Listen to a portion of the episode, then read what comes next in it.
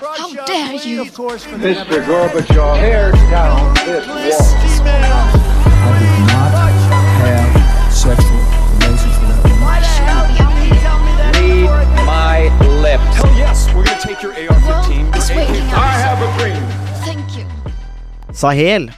Eh, et område kanskje mange har hørt om. Eh, kanskje ikke alle veit nøyaktig hvor det ligger, hvor stort det er, hvor det består av. Som, eh, som en som studerer terrorisme, så har man hørt mye om jihadisme i, i Sahel. Dette Al Qaida i Maghreb. Men eh, hvor, hvor er det nøyaktig, og, og hva består det egentlig av? Um, det er ganske kompliserte spørsmål. Et område som vi ikke hører kanskje så mye om, i hvert fall i en tid hvor det foregår mye eh, i Midtøsten. Eh, men det finnes også andre områder eh, hvor, det, hvor, hvor det rett og slett skjer svært mye, og som har jo en kompleks eh, politisk eh, og ja, sosiopolitiske realiteter her. Og eh, da, litt tidligere, eller i 2023, da, så var jo vår eh, vår utsendte Harald Borgebund ute på konferanse. Han slapp fri fra, fra Østfold og podkasten. Eh, rett og slett. Ja, rett og slett ut for å se verden, og eh, kom seg over en, eh, på, en, eh, på en konferanse hvor han, hvor han fanga opp et, interessant, en interessant presentasjon med Ketil Fred Hansen, professor i samfunnsfag ved Universitetet i Stavanger. Og da var det eneste riktige å gjøre, var jo å invitere Ketil hit, så velkommen. Takk skal du ha. Uh, ja, Sahel. Eh, vi kan, la oss bare starte der, før vi kanskje Før vi eh, ja, går videre inn i materien. Men eh, Sahel, hva, hva, hva, hva trenger vi å vite om, om Sahel?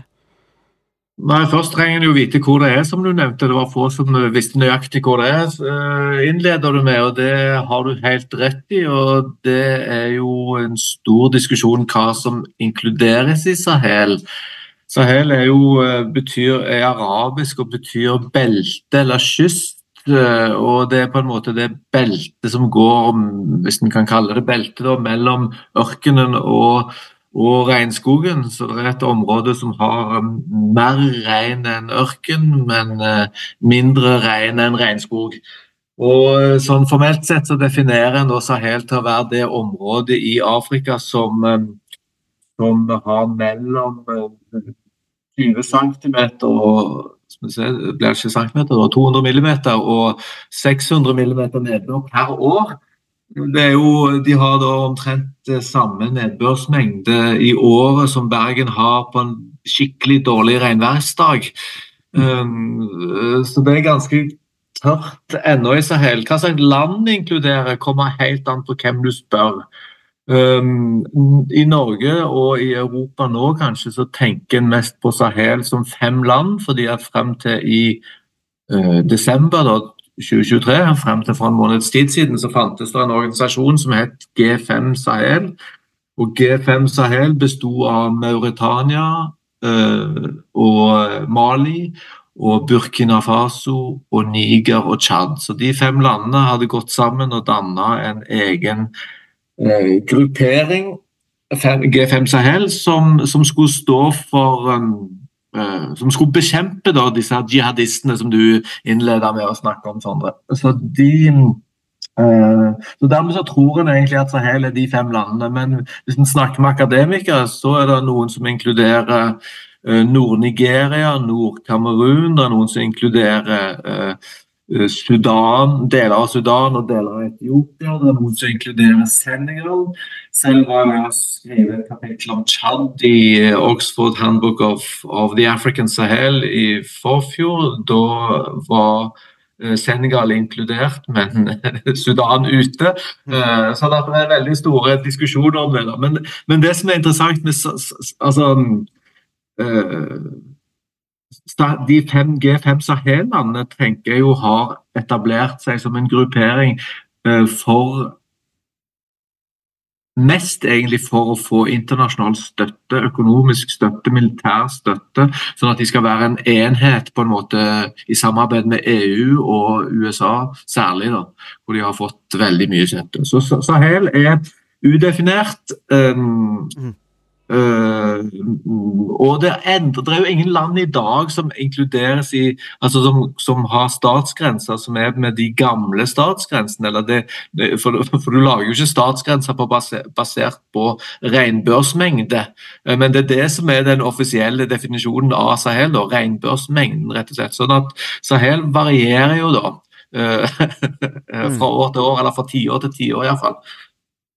Det er jo det Altså, eh, definisjons... Um, definisjonskamp eller definisjonsspørsmål i akademiet er jo ikke noe, jo ikke noe nytt. Uh, Så det, det er jo interessant å høre at det også gjelder, uh, gjelder her, da. Men det, hva, det er jo hva, Det slo meg da når du sier det hva, når man opererer med den definisjonen, en akademisk definisjon, og kanskje defini, eller definisjoner, og definisjoner av på en måte det, hva skal vi si, regn og nedbørsmengde, men også dette med statsgrensen, og så har du da disse politiske aktørene, da, med G5 og disse ulike landene. Altså, og så snakker du om, om en enhet, men um, hvor, hvor, hvor, enhetlig er på en måte disse landene, eller det de prøver å få til? Nei, nå er det jo blitt mindre og mindre enhetlig, for, for, å på en måte uh, antisipere litt det som skal komme litt senere, så, så, så uh, så eh, er G5 ikke-eksisterende per januar 2024 fordi at eh, militærkuppet i Mali, militærkuppet i Burkina Faso og militærkuppet i Niger gjorde at de tre landene trakk seg fra G5 Sahel. Mm. fordi at De har ikke støtte i EU. altså EU boikotter jo eh, land som formelt demokratiske land som plutselig blir kuppa militært. Så da, da, da, er det ikke noe hensikt lenger. Eh, i den grupperingen. Så, så, så det ble, var en saga blått. Den, den eksisterte i, i, i, knappe ti år, denne grupperingen. Og, og, i ettertid så kommer det til å være en parentes, tror jeg, i historien av denne G5 Sahel. Og jeg tror nok at folk i iallfall nær framtid vil se at dette er en organisasjon som egentlig eksisterte mest for å uh, cashe ut uh, enten summer eller våpen fra donorer for å, for å stoppe jihadistenes uh, inntogsmarsj i regionen. Mm. Um, hvis vi tar et steg tilbake, så har jo også um, Sahel-området en ganske spennende uh, historie. Jeg husker i um, presentasjonen din på um, Samfunnsfagkonferansen i fjor høst, så er du også litt inne på eh, Sahel-områdets eh, historie. Eh, så kanskje du kunne si litt om, om, Sahel sin, sin, historie også, som også er viktig en viktig bakgrunn for ja, ja, absolutt, du, har helt rett i det, Harald. Altså, dette er jo det er jo fascinerende på en måte at eh, de fem, altså iallfall eh, Niger og Mali og Tsjad og Burkina Faso er blant de ti fattigste landene i verden i dag. Og for 500 eh, år siden så var Mali, det, og kongen av Mali da, den desidert rikeste personen i verden. Og det er jo de fleste som husker godt fra fra skole, utdanningen sin, så husker en denne keiseren Mensa Musa fra, fra, Mali når han eh, på begynnelsen av 1300-tallet reiste på pilegrimsferd til Mekka med så mye gull at gullprisen i Egypt, når han begynte å betale med for, for følget sitt, som besto av mange, mange, mange hundre mann, noen sier opp i 4000 mann, det vet jeg ikke eh, hvor sant det men iallfall mange hundre mann og mange hundre kameler. Da sank gullprisen i Egypt med ca. 10 eh, og Det sier jo litt om hvor store rikdommer han hadde. Mali-riket var sentralisert rike. Det går jo også, altså Hvor det var en hersker, hvor det var et byråkrati, hvor det var skatteinnsamlere, hvor det var en hær. Uh, hvor en levde av uh, en levde mye av gull, som, som det er og ennå mye av i Sahel i alle landene. Um, man levde av salt, som på den tiden kosta Altså et, et, kilo salt måtte du betale et gram gull for, så salt var uh, uh, veldig attraktivt og etterlengta. Uh, Sahara var jo altså Nord-Mali var jo et salt hav for noen millioner år siden, så det saltet ligger seks, syv, åtte, ni meter under bakken i store sånne flak nå, 50 kilos flak, så du frakter 1000 km ned eh, til, Gao-elven, og så frakter du det videre til markedene i byene, Timbuktu og, og, og Mopti og Bamako. Så salt eh, levde de av, og så levde de av slaver. Altså, det, det, en diskuterer hvor stor slavebefolkningen var i Sahel for, eh, for 500 år siden. Men eh, anslagene går på Det, det minste er liksom at en tredjedel var slaver, og det største er at to tredjedeler var slaver. Eh, og eh, Sånn at Slaveøkonomien var jo veldig veldig viktig. Fra Mali så gikk det ikke så mange slaver til den transatlantiske slavehandelen over til, til Amerika, men fra fra områdene rundt Niger og Tsjad, så leverte en altså ca. halvannen million slaver til den transatlantiske slavehandelen. Og Det er jo en ting som veldig veldig få er klar over. At disse rikene her, som var eh, altså sentraliserte, byråkratiserte, steinrike herskerklasse, de var òg med på å bidro til denne transatlantiske slavehandelen. Uh, en bitte liten parentes da, så må jeg bemerke at når jeg sa dette, at jeg var på, i, på et, et, av de dansk-norske slavefortene i, i, Ghana for noen år siden. og Da var det på en guidet tur som det var bare to stykker på. Uh, og Jeg nevnte det at det, det hadde jo ikke blitt noe slavehandel hadde det ikke vært afrikanske mellomland. Men Eh, i den transatlantiske slavehandelen da ble jo nesten kasta inn i the gate of no return selv. Altså, for det, der var, det var verken guiden eller den ghanesiske rikmannen som var med på turen noe særlig interessert i å høre noe om. Men det er fakta. Halvannen million slaver fra Sahel var, eh, ble solgt til den transatlantiske slavehandelen. Mm.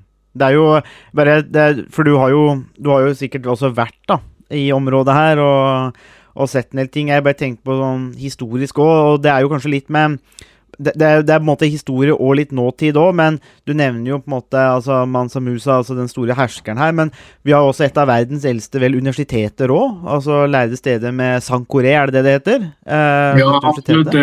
absolutt. Altså, ja, ja, det er jo en moské som heter Sankore, Som, som, ligger i Timbuktu, eller som lå i Timbuktu. Der, der er altså uh, Før uh, den nyeste krigen og før opprøret i 2012-2013 starta, så, så fantes det i Timbuktu 40 000, 40 000 skrevne sider, altså skrevne på arabisk, er, eh, som daterte seg helt bak til ved midten av 1300-tallet. Det er jo helt fantastisk at uh, her kom uh, På universitetet i Timbuktu så kom folk reisende mange mange, mange hundre kilometer og bosatte seg i flere år.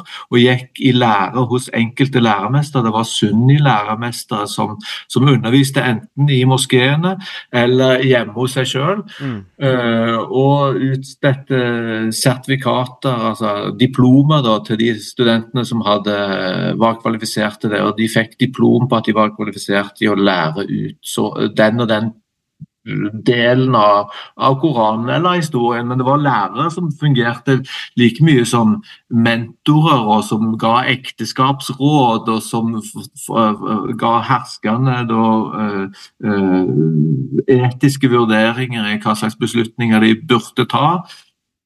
Så Timbuktu, byen, var det største lærestedet i Afrika, og folk reiste altså, som sagt fra både øst og nord eh, og sør eh, i Afrika for å komme til dette lærestedet. Det var ikke så mange det var ikke noe sånn pen, Du kan ikke finne pensumlister eller sånne ting, sant? men en, en, en, en, satt på en måte på eh, tepper og og, og, på gulvet i moskeene eller hjemme hos folk og, og, ble fortalt, diskuterte.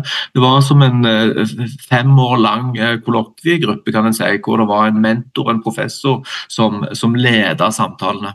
Mm. Det, det, er jo helt fantastisk at dette finnes. Dette er UNESCO har starta og har, har Eh, digitalisert mange av disse manuskriptene. og Det fins gratis tilgjengelig på nettsteder, men, men, eh, men, du må jo da kunne lese gammeldags arabisk for å ha noe særlig utbytte av det, og det kan ikke jeg, dessverre. Mm. Men, men, jeg har vært og sett det, da. Mm. Kan du, jeg syns det er veldig spennende på en måte den historiske eh, bakgrunnen her, og hvordan deler av Sahel på en måte har vært var et av verdens rikeste områder eh, i, eh, under middelalderen.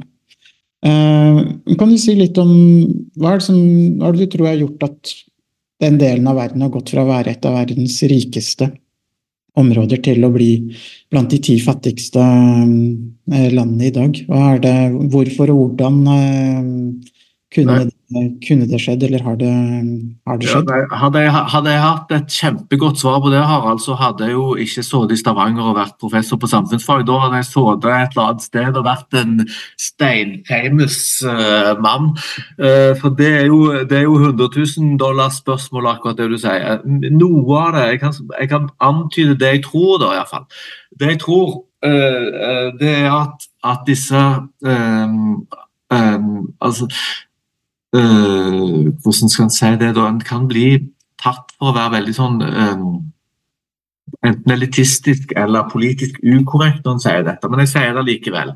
Uh, de uh, rik, altså Herskerne i Sahel uh, var stein rike, de var muslimer, de hadde lov til å ha fire koner. De, det hadde alle, selvfølgelig, men de hadde òg ganske mange hundre konkubiner. og, og, og det hadde de fram til altså lenge, langt ute i kolonitiden. Så, så, så, det var en helt vanlig ting. Og i, når rikene frem til altså når, uh, når en skulle bestemme hvem som skulle overta som hersker, så var både sønnene til de legitime konene, men en hadde jo mange barn. altså I dag er, er, er fertiliteten, eller hva heter det det heter Altså hvor mange barn du lager. Fruktbarhetstallet i Niger har gått ned til syv. Uh, og når det har gått ned til syv, uh, mens det i Norge er 1,5 eller et eller annet, så, så, skjønner en at det er mange barn. Når du har fire koner og en, mange hundre konkubiner, så er det ganske mange potensielle tronarvinger. Og du dør jo, altså selv om en gjennomsnittslevealder i dag ikke er mye år, eller et sted mellom 50 og 60 år i Sahel, så var det det for, for um, 300-400 år siden òg. Eh, og da hadde du eh, ofte òg eh, barnebarn som kunne være tronpretendenter, du hadde nevøer som kunne være det. Sånn at du hadde mange, mange hundre potensielle tronpretendenter. Og da ble det kamp. Eh, og De kampene ødela veldig mye av rikdommen. og Noen ganger så var kamp, varte kampene i mange år. Noen ganger så ble rikene splitta. Noen ganger så tok en slaver blant de, eh, altså, motstandernes rike. Noen ganger um, ødela han mye, rett og slett. Sånn at uh, Jeg tror at ett av svarene er rett og slett kampen om makten uh, blant tronpretendenter. Det er en av grunnene. En annen grunn som veldig mange viser til, er jo koloniseringen. At, at hele Sahel var kolonisert av franskmenn. Franskmenn ville jo ha vil jo ha belte fra fra havnebyen Dakar til Djibouti. De klarte ikke det, da, men de, eh, de, fikk jo, de koloniserte alle landene i Sahel. Og franskmennene koloniserte som kjent med en sånn såkalt direkte eh, kolonipolitikk, eh, som betød at de ikke ville bruke lokale mellommenn. Til å administrere for seg, sånn som britene gjorde i Nord-Nigeria Nigeria, og britisk kolonipolitikk, som var mer direkte. Hun brukte det lokale makts maktstrukturen som fantes før koloniseringen, så gjorde franskmennene ikke det. Det betyr at, um, at franskmennene uh, på en måte bidro til å ødelegge hierarkiet som fantes. fordi at uh, når franskmennene uh, krevde f.eks. at, at de gikk til herskerne og sa nå har vi etablert en barneskole og ungdomsskole i ditt miljø, du må skaffe 30 elever så trodde franskmennene i utgangspunktet at han ville sende sønnene sine og, og, og nevøene sine. Det var jo ikke snakk om jenter på den tiden iallfall. Eh, men han gjorde ikke det, for han så ingen verdi av en fransk skole. De hadde jo sine egne, som vi har nettopp vært inne på, i Timbuktu. Fantastiske universiteter. Eh, læresteder som var anerkjent i hele eh, Afrika. Og hvorfor i all verden skulle en sende ungene sine til franske skoler og lære om å bruke utdatert fransk skolemateriale og lære om forfedrene Gaulois-gallene. Det, det, det, er jo det er jo ikke bare en myte, det, det, det er et fakta at det var sånn det var. Så han sendte, altså Herskerne i Sahel sendte i stor grad ungene til slavene sine på skolen. Uh, og dermed, når, når, ungene til slavene hadde gått på, på skole, da, i, og fri, friheten, eller frigjøringen kom uh, rundt 1960, så hvem var det som kunne ta over de franske byråkratiske eh, arbeidet? Jo, det var unger til tidligere slaver. For det var de som kunne fransk, det var de som hadde fransk utdannelse. Og dermed så var det plutselig så var det plutselig eh, lavkaste slaveunger som skulle ha makt over de tidligere herskerne sine. Det aksepterte jo ikke de tidligere herskerne. For det eh, Hierarkiet sitter like innprenta i Sahel som det gjør i dagens India med, med, med kastesystemet. Det er litt lignende kastesystemet. En glemmer ikke at forfedrene dine har vært slav, av slave ett Um, uh, så det at, da, og da ødela en hele Eller ødela En endra hierarkiet i de landene. Og det er, en viktig grunn til at det er utrolig vanskelig å drive politikk i Israel også i dag. Det var to indikasjoner, da, men det var ikke noe godt svar. Men uh, hva med vi kan, vel, kan, vi kan kanskje trekke inn litt Kan vi trekke inn litt klima òg? Det, altså det at dette, fra hva jeg har lest, i hvert fall, at det i hvert fall deler av Sahel, da, at man har hatt uh, på en måte ørkenspredning og tilbake Altså at det, er, det, er, det, varierer veldig, da. At det kanskje er uh, ustabilt, og man får litt nomadiske og folk på flytning. Altså hvor stor faktor Jeg vet ikke, men hvor stor faktor spiller dette klimatisk inn her òg? Altså Det klimatiske spiller en rolle nå de siste 20 årene, eh, kanskje 30, men før det så gjorde det ikke det. Før det så, så um, var uh, ørken altså dette har Tor Arve Benjaminsen på NMBU eh, forska på i et halvt liv. Men, men, men han uh, og mange støttespillere seg, har vist at, at Sahara er, og, og, og Sahel er Mm, altså Nedbørsmengden varierer. den går ikke bare, Det blir ikke bare tørre og tørre tørre, tørre og, og ørkenen spres. Det er feil. Den har gått uh, opp og ned uh, ved sånne 10-20-30 års sykluser, så lenge en kan uh, klare å finne ut av en har klart å finne ut av det først ved hjelp av reisebeskrivelser, som det finnes mange av i Sahel. altså Fra 1500-tallet fremover så har både afrikanske og europeiske oppdagelsesreisende uh, skrevet skikkelig gode, detaljerte beskrivelser av klima bl.a., eller naturen da, i Sahel. Og så etter, at han har fått flyfoto, som han brukte, mm. for, for, å vise at ørkenspredning faktisk kanskje er en myte mer enn en realitet. Mm. Når det er sagt, så har befolkningen i Sahel alltid vært veldig veldig mobile. Altså, uh, ofte så kalles de opportunistiske da, i et norsk vokabular, men, men, i et sahelsk vokabular så sier en nei, altså, en, en, gjør det som en må gjøre for å overleve. Og da må en forflytte seg, fordi at noen ganger i året så er det Ramadan-vind som, som, lager det umulig å bo der. Noen ganger så regner det, kommer regntiden litt for seint. Da må du flytte buskapen og, og, seg selv for å overleve. Uh, så, så, så, mobilitet i Sahel har alltid vært uh, tilfellet. Hvor mye klimaendringene har å si for konflikten? Ja, de har noe å si de siste 10-15 årene, kanskje 20, men ikke, ikke på den verken før kolonitiden eller kolonitiden. Hva med um, perioden etter at Eller fra koloniene ble, ble, oppløst og statene ble selvstendige? Kan, kan, du si litt om bakgrunnen og historien fra 60-tallet og fram til konfliktene vi har sett de siste ja, det, det, det, kan jeg med glede, men jeg må begynne i 1946. fordi at Selv om landene, altså alle Sahel-landene ble, ble Eh, frigjort fra Frankrike i, i august 1960. Eh, det, det passet med fransk ferie, og det passet med, med Hvis du ser på, på, landene og datoene, så ser du at uh, franske koloniministeren som var med på avkoloniseringen, kunne ta fly fra sted til sted og slapp å reise frem og tilbake. Det indikerer jo at, at frigjøringen av Sahel var mye mer bestemt av Frankrike og den nye eliten i de landene enn det var i mange av de britiske koloniene i Afrika, hvor det var frigjøringskamper og hvor, uh, hvor en virkelig kjempet frem uh, selvstendigheten. I Sahel så, så starta på en måte selvstendighets... Uh, kampene Eller ikke, ikke, kampene, det er feil. For det var ikke kamper. Selvstendighetsforberedelsene um, starta i 1946. Da endra franskmennene en lov som jeg vil kalle for et uh, apartheid, før apartheid fantes som ord. Uh, men da hadde jo uh, da, var, da ble alle de franske koloniene ble styrt Eh, etter et lovsystem som het indigena, som, som var to lover.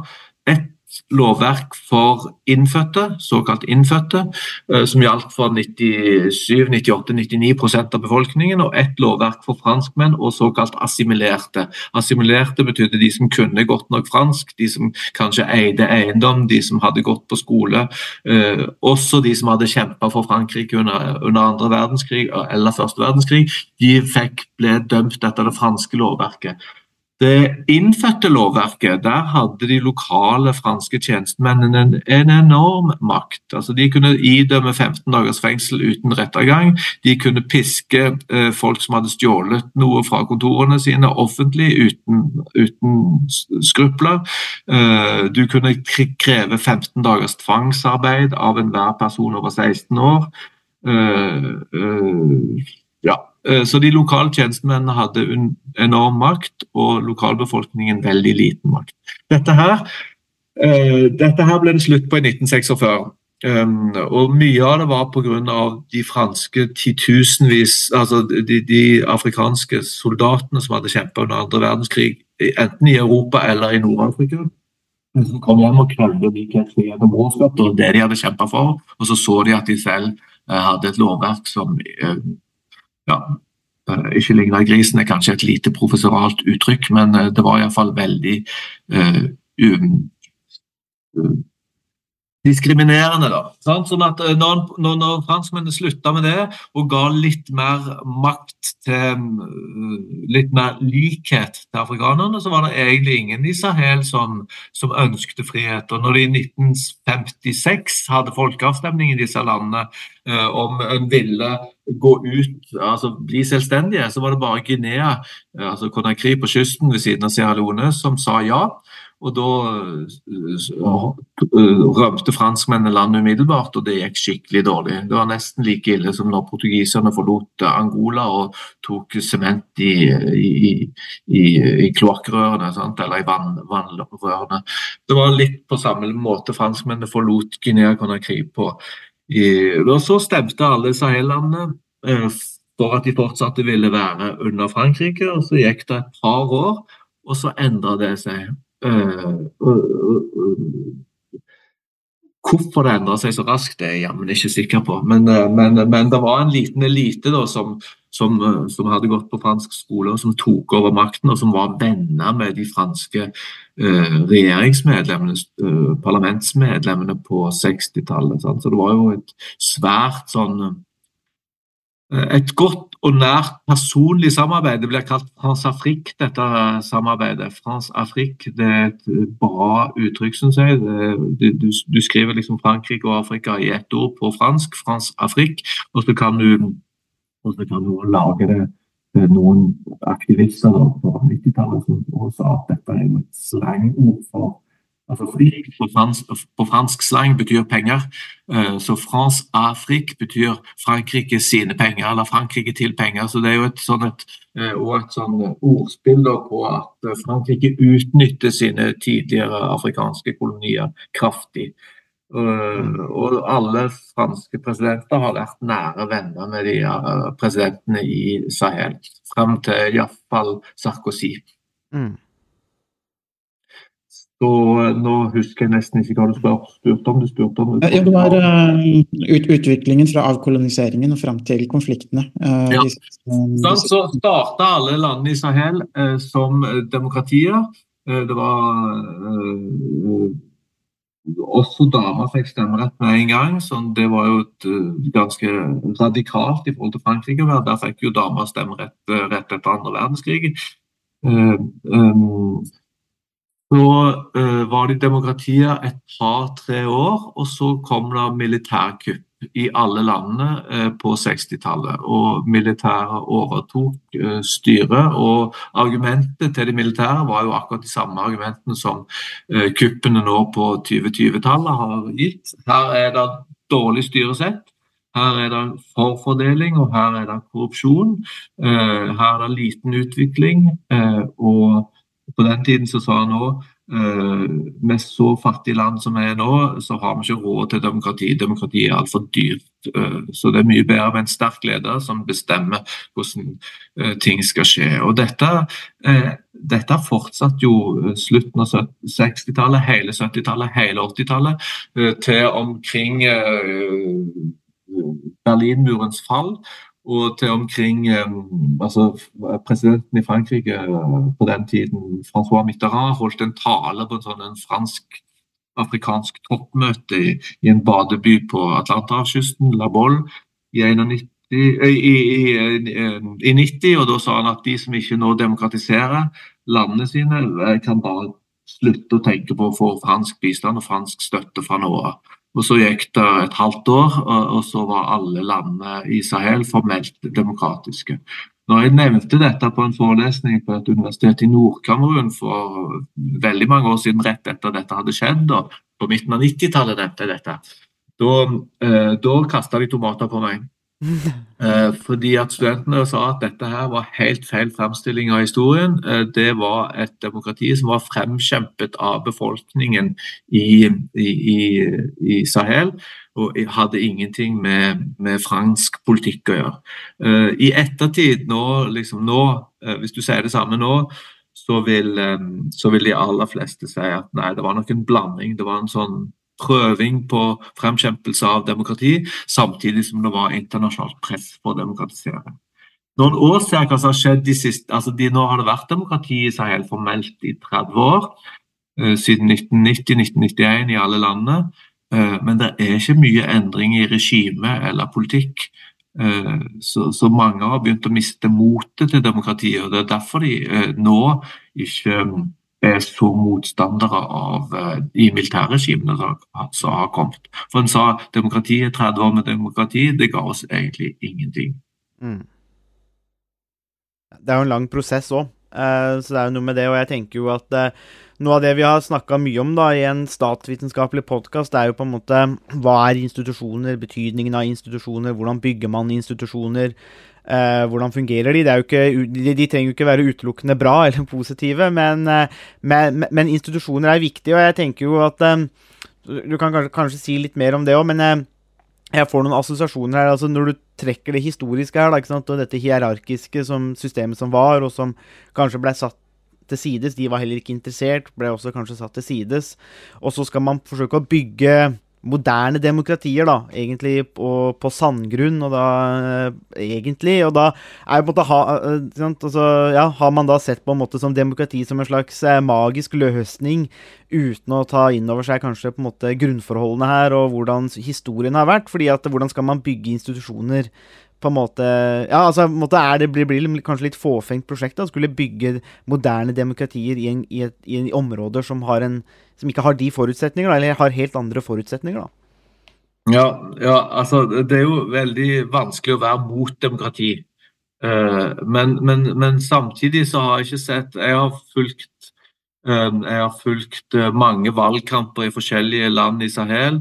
Uh, ja, eh, altså Hvis en inkluderer Senegal, så har jeg også vært EU-valgobservatør eh, i presidentvalget der. Og jeg har fulgt lokal valgkamp både i Tsjad og i, i, i, det nordlige Kamerun. Eh, jeg har aldri sett et partiprogram som har noen form for ideologi jeg har snakket med veldig mange som kaller det for mitt parti. Altså ledere av partier som sier mitt parti, og det gjør en kanskje i Norge òg, mitt parti.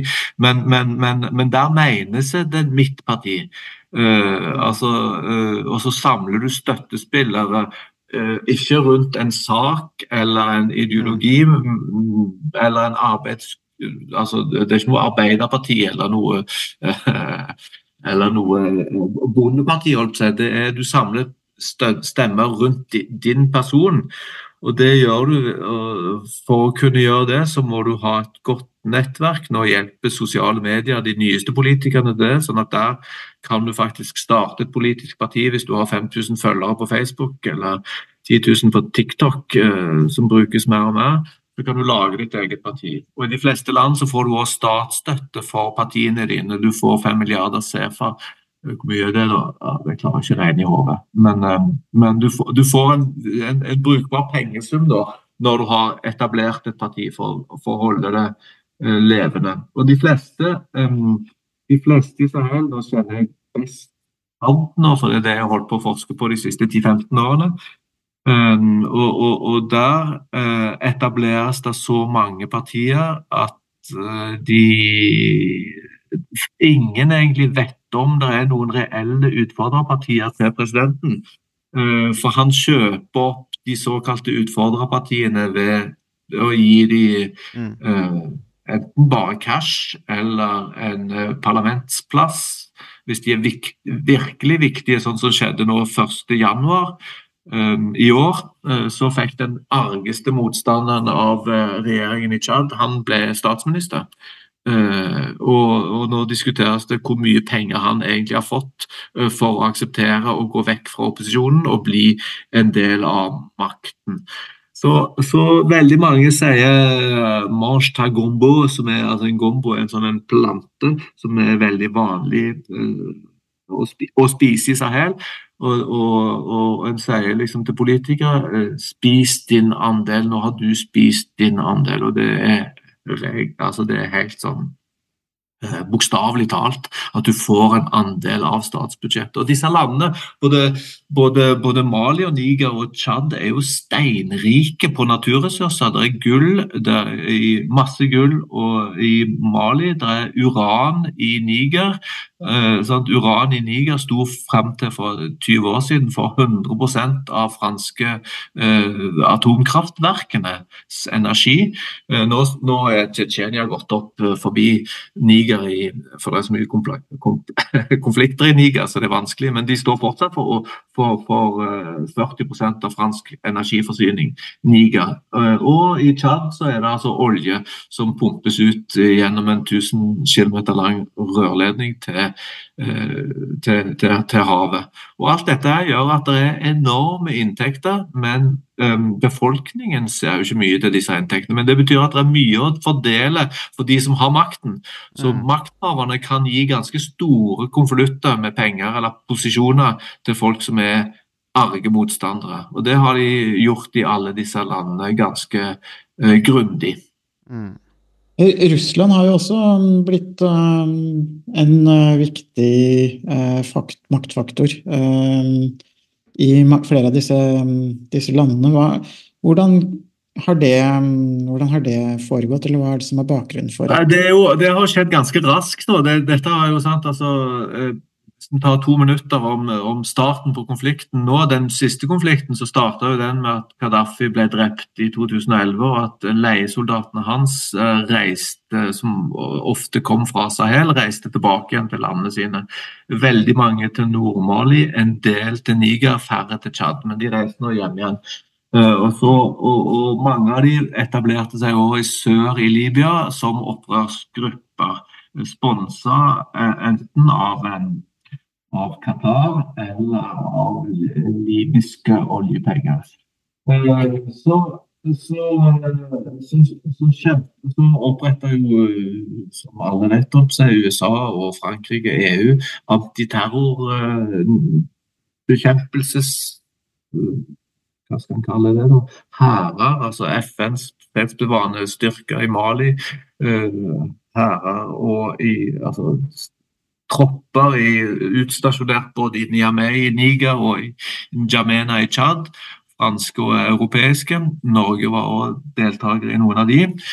Uh, og, så, og så ble det jo ikke noe mer fredelig allikevel, på tross av altså, en, militær, en internasjonal militær styrke på eh, opp i 14 13 000 stykker i, i, i Mali, og litt færre da i Niger og Tsjad, men det ble ikke eh, fred. Eh, befolkningen var drittlei av, eh, av, å føle seg utrygge hele tiden. De var òg leie av at de internasjonale soldatene levde eh, Altså la beslag på veldig mange av landets ressurser. Sånn at uh, både, ble, både, ble, mat lokalt dyrere fordi det var så mange folk som, som gikk på markedet med mye penger. Uh, og, og, utryggheten var vedvarende. Så da kom, da kom Wagner inn først. de jo, har vært i Mali nå i nøyaktig to år bare. Eh, men, men, de har tatt over den franske rollen eh, som, og, og, blir stolt mer på av regimet, det nåværende regimet i Mali enn franskmennene, som har blitt kasta ut. Eh, Wagner-gruppen blir betalt i rent gull. Hver måned så går det ti, ti millioner dollar i gull altså verdien av 10 millioner dollar i gull rett til å betale Wagner i, i, i Mali. I Niger så har Wagner kommet inn. der blir, hvordan de blir betalt der, er ikke sikkert. I Tsjad så uh, vet en ikke om Wagner er inne. De står i Sentralafrikansk republikk, på grensen til Tsjad. Uh, og, og, og, det er konflikter der òg, men Eh, det som jeg tror kommer til å skje med, med Wagner, da, det er at de kommer til å ta over uh, den franske rollen i Sahel. Uh, og uh, de har jo stor toleranse for militærdiktaturer. Sånn at de støtter militærdiktaturen i Sahel nå så lenge de får betalt i tide. Og det kommer de til å få fordi at det er olje, uran og gull. Mm. Hva med Frankrike sin, sin, rolle i dag? Det virker som de nærmest har blitt både kasta ut og på en måte totalt avvist. Hvordan kunne, kunne det nærmest skje? Altså Det å være franskmenn, og uh, det er det første jeg må si når jeg kommer til et Sahel-land, det er at jeg er ikke fransk. For da blir du spytta på og, og kasta stein etter. Franskmennene er hatsobjekter. De, de, har drevet med dette France Afrique Eh, lagt private dealer, utnytta Sahel, eh, styrt utenrikspolitikken, styrt pengepolitikken ved denne myntenheten som finnes i hele Sahel, eh, som heter CFA. Communauté Financière Africaine står det for nå. Før sto det for, for franske Afrikafang. Eh, men, men, den pengeheten garanteres altså i, av, av, Frankrike verdien av, sånn at de har ingen muligheter for å verken devaluere eller devaluere pengepolitikken sin. Um, en, eh, en, euro er verdt 650 CFA både i Mali, Niger og, og, og, og Tsjad. Og det er den hver dag hele året. Uh, noen sier at det er for at, at det hjelper Frankrike med å ha faste kurser på alle handelsvarene sine. Eh, mens andre sier at det, det ødelegger for den selvstendige pengepolitikken til de landene. Og den siste tror jeg på. da. Frankrike har blitt kasta ut eh, i land etter land. Eh, ambassadøren i Mali ble kasta ut for to år siden. Ambassadøren i Niger ble kasta ut nå i høst. Eh, ambassadøren i Tsjad er fortsatt til stede. Eh, eh, men det er på en måte det siste skansen de har da, i Sahel. I Burkina Faso ble de òg kasta ut. Um, en er drittlei av at Frankrike har, sånn som de fleste ser på det, både styrt utenrikspolitikken, pengepolitikken, og, ikke, og utnytta landet økonomisk. Mm. Hvis vi ser litt, um, litt framover nå på, på slutten, hvordan, hvordan, ser egentlig framtiden ut for, um, for Sahel? Det virker relativt kaotisk i dag. Det er, jeg, hadde det ikke vært for Ukraina-krigen og Gaza-okkupasjonen, eller folkemordet, så, um, så ville jeg tenkt at Sahel hadde vært i verdens sentrum nå. For det, det er en, en enorm eh, endring i maktbalanser. Det er militærdiktaturer som, som kommer frem. Det er Wagner som har tatt ut, som, som får rollen som Frankrike har hatt. Eh, eh, det er òg Kina som kommer inn og, og driver med oljeeksport og oljeexploration, eh, særlig i, i, i- Tsjad og i Niger. Så det er en enorm geopolitisk endring rett og slett i Sahel. Og jeg tror eh, det går, det går hus forbi for de aller fleste pga. de andre konfliktene som er nærmere da, og mer kjente. Så er de mindre konfliktfulle. Fylt, fylt, uh, altså, hva skal jeg si, Det er ikke mindre konfliktfylt. Det er vanskelig å forstå konflikten i Sahel. For det er så utrolig mange grupperinger. Sondre, du starta med å nevne Al Qaida i Sahel. Og det, og det er en viktig jihadistgruppe, men det fins det finnes sikkert en 10-12-14 andre, og de skifter navn og de skifter lojaliteter, og de gjør det mange ganger i året, og en vet ikke helt hvem som tilhører hvem, og av og til så blir noen kjøpt opp av regimet. Så det er veldig komplisert å følge med. Eh, og det eh, så, så, så framtiden i Sahel tenker jeg har noe med framtiden i verden og. Hele den geopolitiske situasjonen er avhengig av hva som skjer i Sahel. Og akkurat nå er jeg veldig pessimistisk, må jeg si. Mm.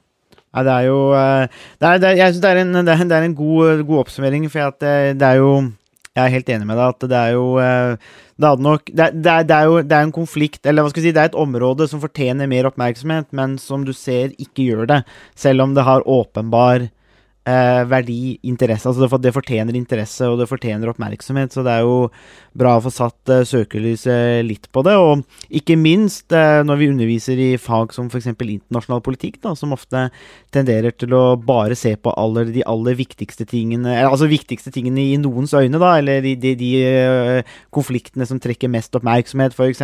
Og det er på en måte bare stormaktskonflikten som teller, og sånn, og så ser man på en måte under der at det, det foregår så fryktelig mye mer da, som har eh, verdi og vikt, som er viktig for oss. Eh, og Sahel er jo da en av de. Så det, men det var eh, særdeles eh, interessant, eh, og da takker vi eh, Ketil for den uh, fine introduksjonen til Sahel. Og så kan det fort hende vi kommer tilbake her når det skjer ting i, i, i Israel. For her, her vil det jo skje litt. Altså, du nevner alle disse gruppene. Eh, og tilstanden Dette er jo en slags eh, trykkoker. eh, må være. Eh, så vi, Absolutt. det er jo ikke det siste vi hører til det. Så ut. Mm. Nei, men fint. Takk skal du ha. Takk for at eh, du hørte på Statsvitenskap og sånt. Har du spørsmål, kommentarer eller tilbakemelding, så er det bare å ta kontakt på vår Facebook-side, per e-post eller brevdue. Musikken er som vanlig laget av Robin Horvath, og Mats Halvorsen mikser og redigerer podkasten. Vi høres!